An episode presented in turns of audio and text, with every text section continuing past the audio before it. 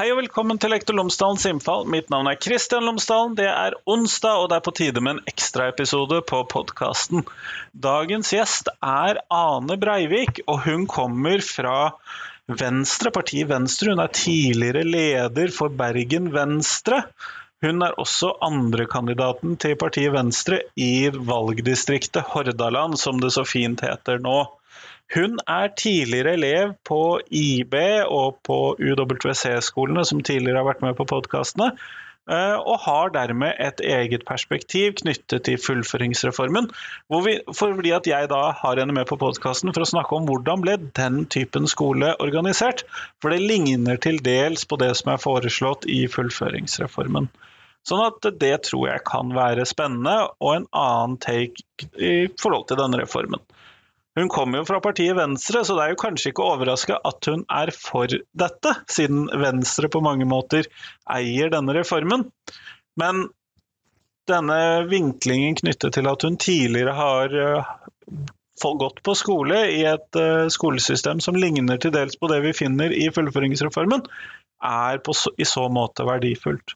Ellers, podkasten er som alltid sponset av Cappelen Dam Undervisning, og hvis du går inn på skolen.cdu.no, så finner du alle de oppleggene, ressursene og forslagene fra Cappelen Dam som de har laget i forbindelse med eh, fagfornyelsen. Det finner du da til alle årstrinn, alle temaer, alle tverrfaglige temaer, alle klasser, inne på skolen.cdu.no. Men her får du intervju med Ane, vær så god.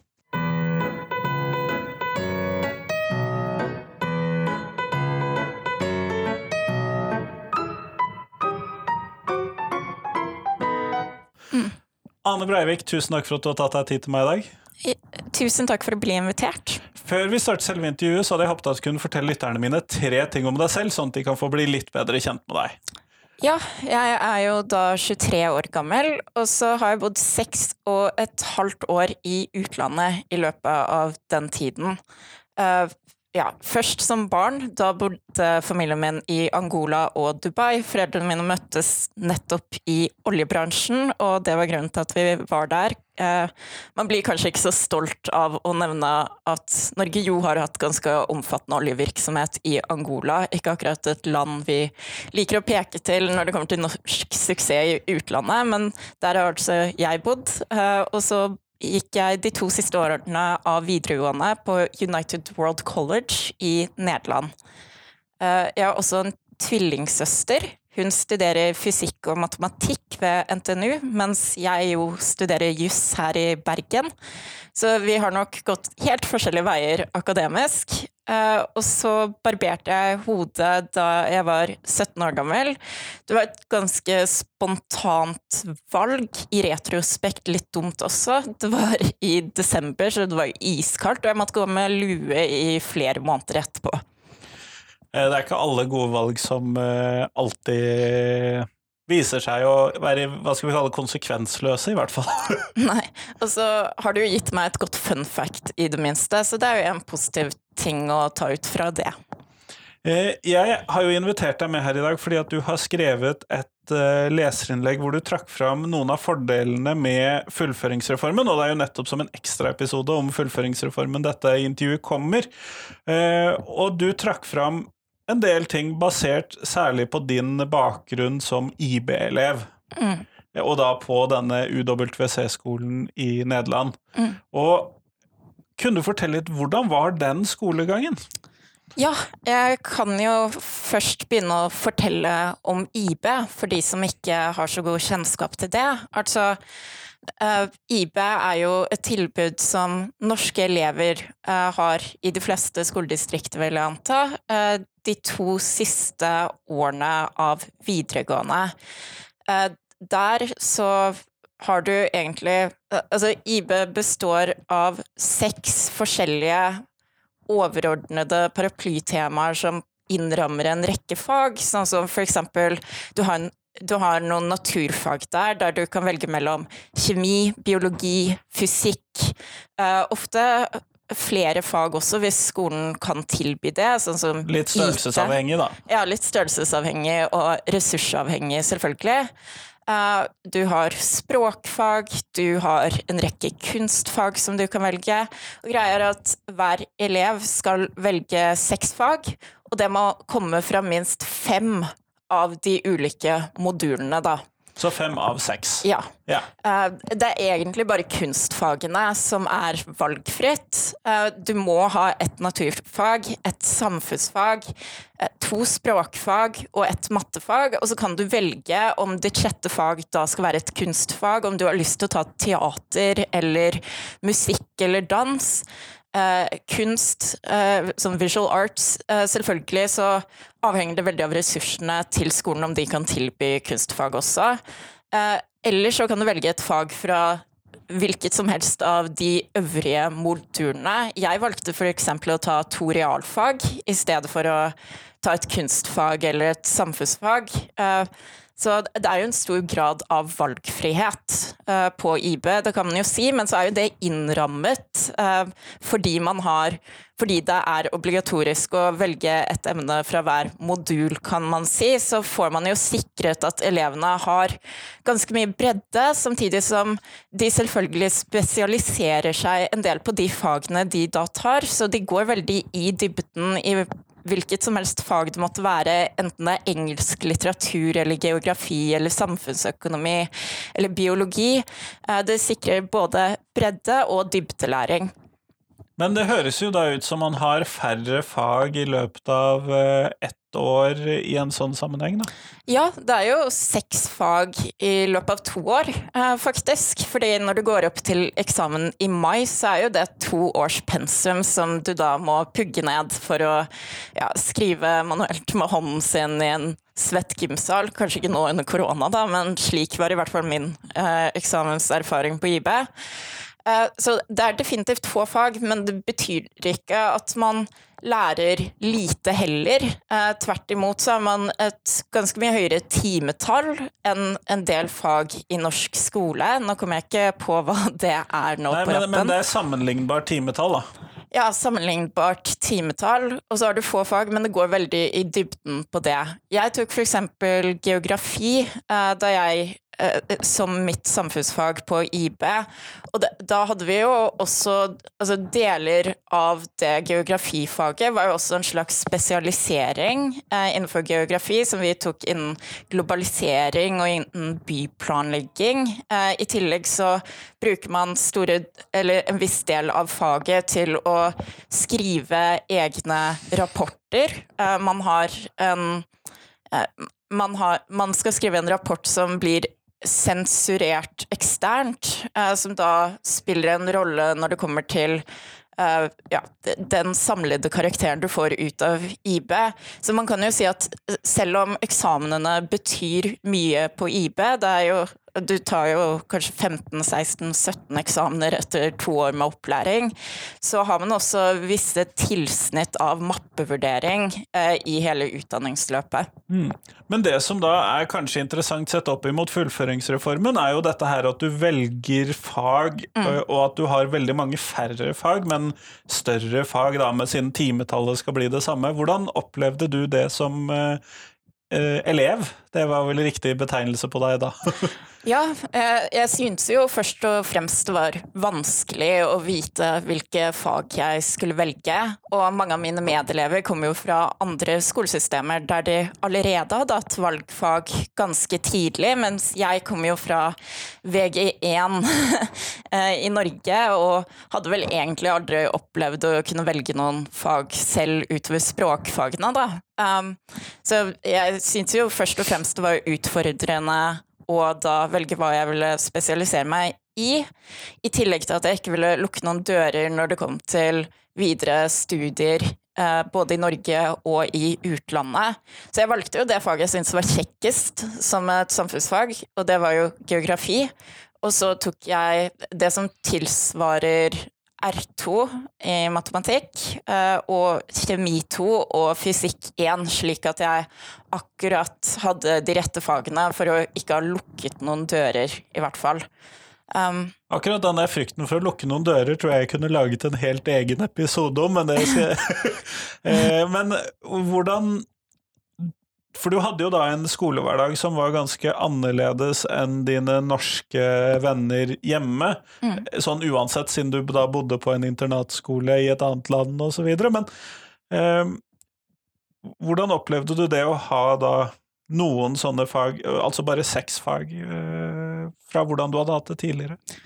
Tja, det var nok ikke så, så veldig annerledes, men helt klart så bidro det til at vi eh, kanskje i mye større grad enn i Norge eh, At det var en del selvstudium eh, som ble involvert i dette også. Um, men stort sett så altså For meg så er det jo litt vanskelig å forestille meg hvordan det ville vært å gå VG2 eller VG3 i Norge. Men du husker hvordan det var å gå ungdomsskolen og barneskolen Eller ungdomsskolen er vel kanskje mest relevant? Mm. Ja, nei, altså det, vi fylte jo samme antall timer med seks fag, og det betyr jo at man gjerne har litt mer av det man har valgt i løpet av en hel uke, men det var jo likevel sånn en hel skoledag som varte fra åtte til to, tre, fire på ettermiddagen. Uh, og så hadde vi færre fag og mer hyppig, men det bidro jo også til at vi kunne gå mye mer i dybden på disse fagene. Sånn som jeg tok engelsk også. Uh, der leste vi jo ti bøker, eller tolv bøker, i løpet av skoleløpet, og brukte mye av tiden vår på å analysere typ um, 1984 mot uh, ja, One Flew Over The Cuckoo's Nest. Det var mye lesing, eh, som jeg tror man ikke har et like stort innslag av, eh, verken i engelsk eller i norskfaget på norsk skole i VG2 VG3. Um, men jeg må jo si at jeg opplevde det mest av alt så motiverende.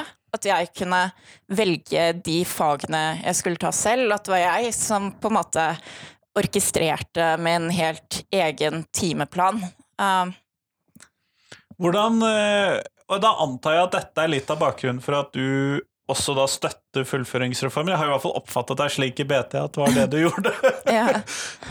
ja eh, jeg kan jo si at jeg tror nok noen ting rundt fremleggelsen av fullføringsreformen kunne kommet bedre ut. Uh, man kunne kanskje kommunisert dette bedre overfor sektoren, overfor allmennheten, selvfølgelig. Og vi kunne sagt mye om timing og en del sånne ting, men sånn innholdsmessig er kanskje det mest interessante.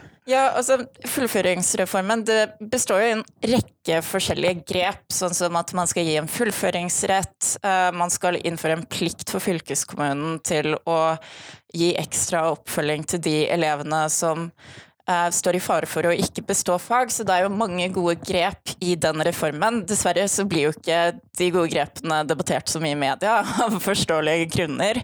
Og så er det jo akkurat uh, det punktet om at regjeringen vil utrede fag- og timesfordeling i videregående skole, som har vakt en del harnisk. Man kan jo si det var et slags mageplask. um, men, Jeg tror vi kan skrive under på det. ja, men, men iallfall så har man jo nå, med bakgrunn i utredningen til Lied-utvalget, uh, som kom i 2019 om jeg husker det. De hadde vel en del utredning også før det. Men med bakgrunn i deres utredning, uh, der de fastslo at nettopp den det høye innslaget av fellesfag og det høye timeantallet det utgjør i eh, skoleverket i dag, det står også eh, Det går utover både dybdelæring, eh, men også muligheten til å spesialisere seg, muligheten til å øve på akademisk skriving, på å ja, på en del elementer som er viktige, enten du går videre eh, med fagopplæring, eller om du da ønsker å begynne på et universitet eller en høyskole etter endt videregående opplæring. Um, så det er jo akkurat den utredningen som man peker på når man nå tar initiativ til en utredning av det totale av eh, fordelingen av fag og timeantall osv. i videregående. Så har man signalisert at man ønsker å beholde norsk, engelsk og matematikk, og opprinnelig også et slags fremtidsfag. ja, det var vel kanskje det største mageplasket. jeg, jeg, tror nok det var lurt at de gikk vekk fra den tanken, det skal jeg si, fordi det var litt for lett å harselere med dette såkalte fremtidsfaget. Det virket jo ganske svevende, litt overfra og ned, og i tillegg, ja nytale på et eller annet vis. ja, Nei, eh, det kan vi jo være enige om. Men eh, du som da kommer fra denne IB-bakgrunnen og kunne velge språkfag og matematikkfag eller realfag osv., mm. eh, hva tenker du om at eh, disse tre fagene er valgt å være sånne fremdeles fellesfag? Tja, altså jeg befinner meg jo litt på periferien. Jeg syns jo godt man kunne hatt et større innslag av valgfrihet også når det kom til språkfag, når det kom til eller matematikk har man jo uansett, det er jo valgfritt hvilken hvilket matematikkurs man tar, da. Så der har man jo fortsatt et innslag av valgfrihet. Men jeg befinner meg kanskje litt på et ytterpunkt der jeg tenker at kanskje man kunne hatt uh, en del valgfrihet over hele fjøla. Hvorfor skal man absolutt ha norsk og engelsk når enkelte elever kanskje er så viderekomne i engelsk at de har lyst til å bygge videre på spanskferdighetene sine og lære det på et nivå der de faktisk kunne drevet skrevet en akademisk tekst innenfor spansk. Uh, selvfølgelig, det er jo bare høytsvevende tanker, som nevnt. men man vil nok finne en og annen elev som er på det nivået, men mm. uh... det, det, er nok ganske få også, uh, og derfor er det jo fint at man har et IB-tilbud, selvfølgelig. men akkurat med de tre fagene så er det jo Tja, eh, det er jo de man har signalisert at man ønsker å verne om, og at man ønsker at fortsatt skal være obligatoriske fellesfag i videregående. Resten blir jo avhengig av denne utredningen som det nå er blitt initiativ til, og innspill fra, fra skolesektoren, fra lektorer, fra elever eh, og så videre. Man har jo ikke, har jo ikke hugget i stein en um, en liksom en fordeling av fellesfag og valgfag. Tvert imot så har man tatt initiativ til en utredning og bare signalisert hvilke fag man har lyst til å hegne om. Mm. Ja, og det må man jo være veldig klar over, for det kan jo bety at det bare blir noen fellesfag som forsvinner, eller at alle bortsett fra de tre. Mm. Jeg er nok litt på den linja som du pekte på, at eh, ja, ja, de tre kunne jo også eh, kanskje bli valgfag, og så kunne mm. man velge litt internt i norskfaget hva man ville fokusere på, f.eks. Mm. Men alt dette eh, krever jo egentlig at vi vet at alle elevene er har fått med seg the basics da når de går ut av 10. klasse. Da må vi jo kanskje gjøre noe med læreplaner og sånn? Ja, definitivt, men det burde man jo ha som en forutsetning allerede i dag. For det første fordi det er valgfritt å velge videregående, og så kan man jo argumentere for at det reelt sett ikke er valgfritt, fordi det er vanskelig å komme seg inn på et arbeidsmarked uten fullført videregående opplæring, selvfølgelig. Eh, det oppleves kanskje ikke som et reelt valg for elevene, men det er jo fullt og helt valgfritt om du har lyst til å begynne på videregående, og om du har lyst til å fullføre. Da, burde, da tenker jeg at man i hvert fall burde sørge for at elevene får med seg den allmenndannende opplæringen som kommentariatet skriver om akkurat nå i forbindelse med fellesfagene, eh, ved endt grunnskoleopplæring. I tillegg til at elever som velger en annen kurs, i løpet av videregående. Altså for det første, elever som tar yrkesfag, de har jo ikke hatt historie i alle disse årene. De har ikke geografi heller. Eh, hvis man tar yrkesfag og påbygg, så trenger man ikke å ha geografi. Ikke eh, religion heller, for den saks skyld. Ikke sant.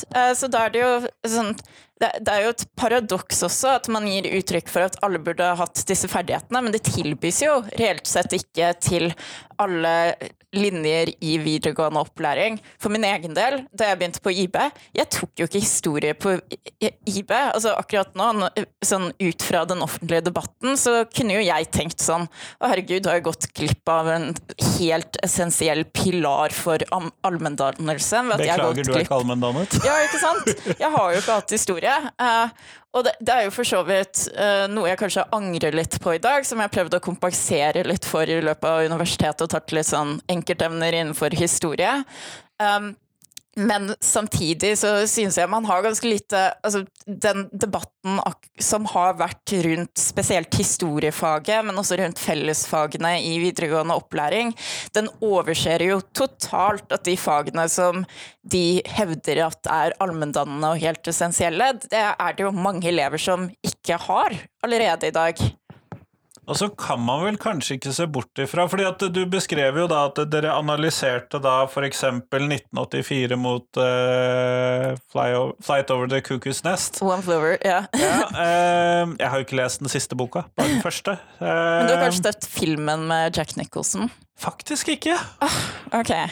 Så tydeligvis noe som må settes på agendaen. Men man når man analyserer litteratur, så må man jo fordype seg mye historie knyttet til hvordan disse er plassert også. Ja, eh, vi hadde jo kontekstuell tolkning eh, av både One Floor of the Cuckoo's Nest og 1984. Eh, vi som en del av det også, fordi vi analyserte kvinnesynet i både 1984 og One Floor of the Cuckoo's Nest, der det er mye man kan si om det, for å si det sånn. Du har jo lest 1984 også, og der er jo den, altså den eh, kvinnelige eh, den Hovedpersonen? Ja, det er jo kanskje så nært du kommer til en Manic Pixie Dream Girl.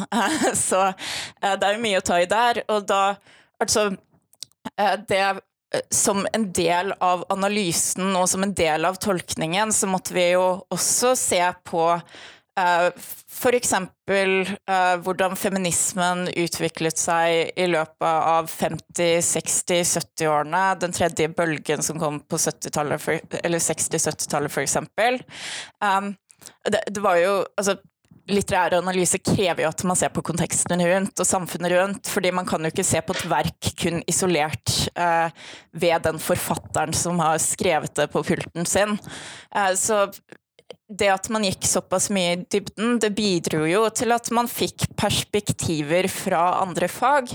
Og så synes jeg for så vidt at eh, det er gode grunner til å komme med innvendinger mot det. Altså, hva, hva har det å si hvis du går gjennom eh, historien til et verk, eller for eksempel eh, hvis du analyserer diktene til Wilfred Owen, som var en dikter under første verdenskrig, og begynner å snakke om altså samfunnsforholdene rundt første verdenskrig. Hva slags verdi er det hvis du ikke har hatt historiefaget, ikke gått dypt inn i historiefaget, hvis du ikke anvender den metoden som historikere bruker for å finne frem til eh, historiske kilder, da. Eh, man kan jo komme med innvendinger mot det, men samtidig så Den dybden vi hadde i mange fag, det bidro jo også til at man um, ja, eh, altså det høres jo kanskje litt teit ut å si, men det ga også en bredde innenfor akkurat de fagene vi hadde. Og det, altså, jeg opplevde at det kanskje var et mye høyere tilsnitt av tverrfaglighet enn vi kunne hatt hvis disse fagene var mindre. Mm. Mm. Eh, det som jeg har tenkt litt på, er hvis vi kutter ut fellesfagene, eventuelt kutter ut fellesfagene helt, sånn som du og jeg har vært inne på i dag, mm. eh, særlig da kanskje, eh, så vil det jo kanskje være vanskeligere å opprettholde klassetilhørigheten i det der klassesamspillet hvis man ikke har noen fag sammen. For nå bruker man jo ofte det første året på studiespesialiserende til å bygge klassen før de splittes opp etterpå. Hva tenker du om det? Ja, eh, det er jo helt klart. Eh, noe som man kan være bekymret for, men jeg tror det finnes gode andre tiltak for å bygge opp en form for klassetilhørighet. Eh, for eksempel, og så kan man jo innvende at sånn mange av de elevene som kommer til å ta kjemi, de kommer jo også til å ta fysikk. De kommer jo også til å ta den vanskeligste formen for matte. Så jeg tror man finner et slags miljø ganske naturlig også ut fra de fagene man tar, selvfølgelig. Uh, samtidig som det, altså, jeg husker da jeg tok IB, da, eh, og jeg hadde jo en litt Jeg hadde jo valgt litt rare fag, og det var veldig få som hadde tatt sånn eh, engelsk litteratur på høyeste nivå som også tok kjemi, f.eks. Det var veldig få som hadde samme fag som meg, og det ja, bar kanskje preg av at jeg ikke var like målrettet og visste hva jeg ville gjøre med livet mitt. Um, men der hadde vi jo også Altså, vi hadde en form for klasser som samlet seg i lunsjen en gang i uka og diskuterte hva man holdt på med. Vi hadde litt sånn ulike teambuilding-aktiviteter. Um, vi klarte å få til en slags følelse av et klassemiljø med en kontaktlærer for hver enkelt gruppe eh, gjennom å organisere det eh, egentlig i lunsjen og som en del av fritiden og sånt. Og det opplevde jeg som ganske positivt, i tillegg til at jeg selvfølgelig så en del gjengangere i mange av de fagene jeg tok. Ja. Nettopp, nettopp. Mm. Eh, men du nevnte jo også dette her med at eh, dagens system det hindrer en sånn spesialisering, eller at man gjør seg klar til det man har lyst til å studere etterpå. Ja. Men vil ikke det samtidig, hvis man da går bort fra dagens sånn, hva skal vi kalle det, brede system, gjøre at det blir vanskeligere for en som ikke tok rettslære, å komme inn på rettsvitenskap ja. senere? Mm. Nei, eh, det er jo enig for så vidt, eller bekymret over, at hvis man legger opp til eh, mer valgfrihet, en større grad av spesialisering, så kan jo det ende opp med å lukke dører. Så kan man jo si at eh, slik samordna opptak er altså slik det er organisert i dag, så vil man jo reelt sett ikke lukke noen flere dører enn man allerede gjør med valgfagene i dag, fordi det er så generelt. Og så kan man jo lure på om kanskje eh, det har vel Unge Venstre argumentert for tidligere. så kan man jo ulike syn på opp, hvor mye frihet universitetene burde ha selv i den opptaksprosessen, men nå sporer jeg litt av. men eh, samtidig så Tja. Det er selvfølgelig en berettiget bekymring for om man kommer til å lukke dører med en ny fag- og timesfordeling.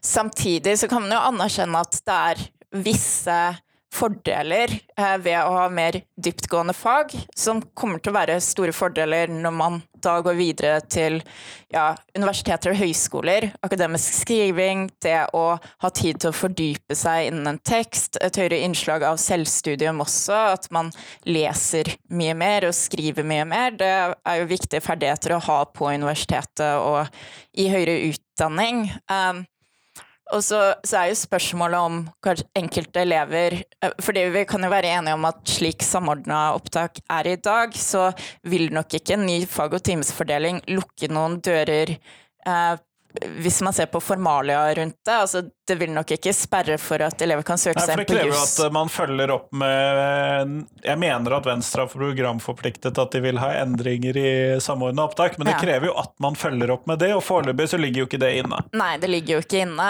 og, men så kan man jo lure på om det reelt sett kommer til å lukke noen dører for de elevene. Altså én ting er på papiret, men om det reelt sett kommer til å bety at en elev som har tatt uh, veldig mye realfag, uh, ikke kommer til å ha den ballasten som gjør at de kanskje kan begynne på jussen hvis de har lyst til å gjøre det etter endt videregående opplæring. Samtidig så tror jeg nok det er mye av hensikten ved å bevare spesielt norsk, engelsk og matematikk, at man kanskje mener at disse fagene gir utslag for at de både er modnings... I hvert fall norsk er jo et modningsfag, og til, til en viss grad engelsk også. Uh, så er det sikkert noen som kan argumentere for at matematikk er det. Jeg vet ikke. Man sier jo helt tiden modningsfag om absolutt alle fag man liker. Men Min kone er matematikklærer, hun sier at det er et modningsfag. Ja. Det er et fint begrep å bruke om det faget man har lyst til å verne om, altså.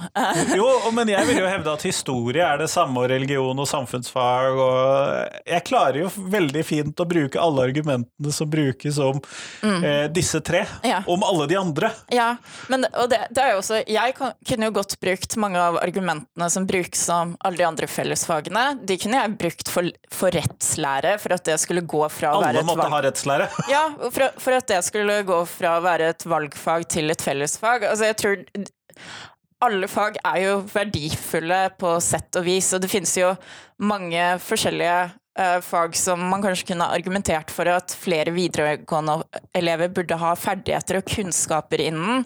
Men jeg syns jo at mye av debatten rundt fellesfagene og de argumentene som har blitt fremført, som da går ut på hvor viktig historie eller geografi eller bla, bla, bla er, det er jo fag vi også kunne brukt for å få inn rettslære som et obligatorisk fag.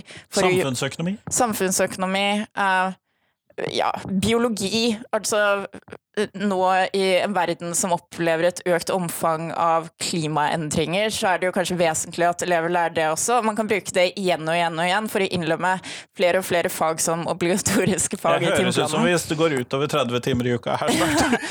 ikke sant? Uh, og det har vi jo ikke tid til. Uh, spesielt ikke hvis de skal kunne velge i hvert fall to, tre, fire fag selv, slik de jo kan i dag. Det er vel fem valgfag.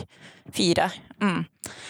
Um, men vi, for vi har snakket veldig mye om denne fag- og timefordelingen, mm. og det er jo der de store eh, diskusjonene ligger. Mm. Eh, det virker ikke som at man er så mye Man har ikke så mye mot grepene for å bedre fullføringsgraden i yrkesfagene og mm. støtte til eh, de som sliter med å komme seg gjennom skolen og sånn. Ja. Virker jo relativt uproblematisk. Ja. Men hva tenker du som eh, stortingskandidat og som aktiv venstrepolitiker eller som student eller nettopp ferdig med videregående. Jeg er litt usikker på hvilken hatt du skal bruke, men hva tenker du er den store fordelen med fullføringsreformen? Jeg tenker jo det er en fordel i seg selv at den og ja, nå har du jo snakket om mange av de grepene spesielt innenfor yrkesfagene, men som for så vidt uh, kommer til å være gode for å få opp fullføringsprosenten. Og så tenker jeg spesielt med denne fag- og timesfordelingen som man har tatt initiativ til å utrede. Det i seg selv vil jo gi mer frihet, flere muligheter for hver enkelt elev til å eh, i større grad bestemme hvordan egen skolehverdag kan se ut. Og det tenker jeg er positivt i seg selv. Jeg tror elever som er ferdig med ti år med eh, opplæring i grunnskolen, er i stand til nettopp dette, på samme måte som de er i stand til å velge om de har lyst til å gå restaurant- og matfag, eller studiespesialiserende, eller TIP, eller eh, noen av de mange andre linjene vi har. Hvis de klarer å velge linje, så bør de også klare å velge fag. Ja, det tenker jeg. Ja. Eh, Mm. Nettopp, nettopp. Vi går mot slutten av podkastintervjuet, og da har jeg et siste spørsmål som jeg stiller til alle jeg intervjuer. Og hva er de tre viktigste tingene skolen lærer elevene? Ja, jeg kunne jo sagt norsk, engelsk, matte, eh, men hvis man Nei, det var en harselering. Eh, men tja, altså videregående opplæring, det ruster jo elevene i møte med det med de ja, med høyere utdanning, med det arbeidslivet de en dag skal ut i. Så det gir jo et grunnlag for resten av livet, egentlig. Og så er det jo kjempekjekt å gå på videregående. Jeg savner det jo fortsatt, eh, nå som jeg sitter på studiebenken og egentlig ikke snakker med noen mennesker under korona. Kanskje litt rart det siste året sånn sett. Men kjempeflott. Tusen takk for at du tok deg tid til meg i dag. Takk for at jeg fikk komme.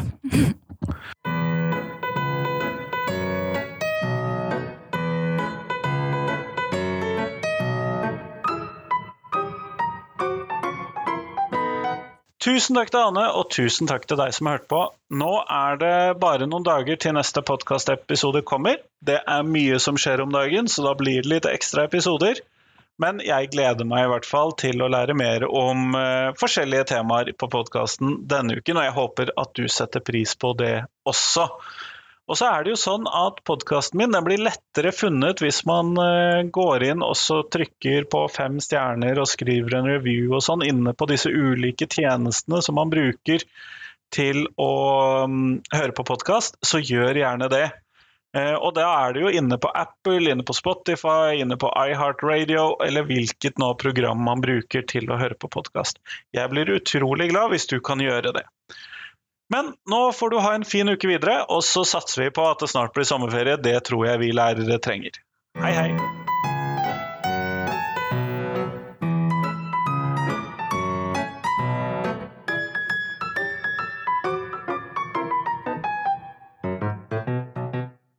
Husk at hver eneste torsdag så kommer jeg ut med et uh, tenketorsdag-bilde, hvor jeg stiller et spørsmål jeg tenker er viktig å reflektere over for norsk skole.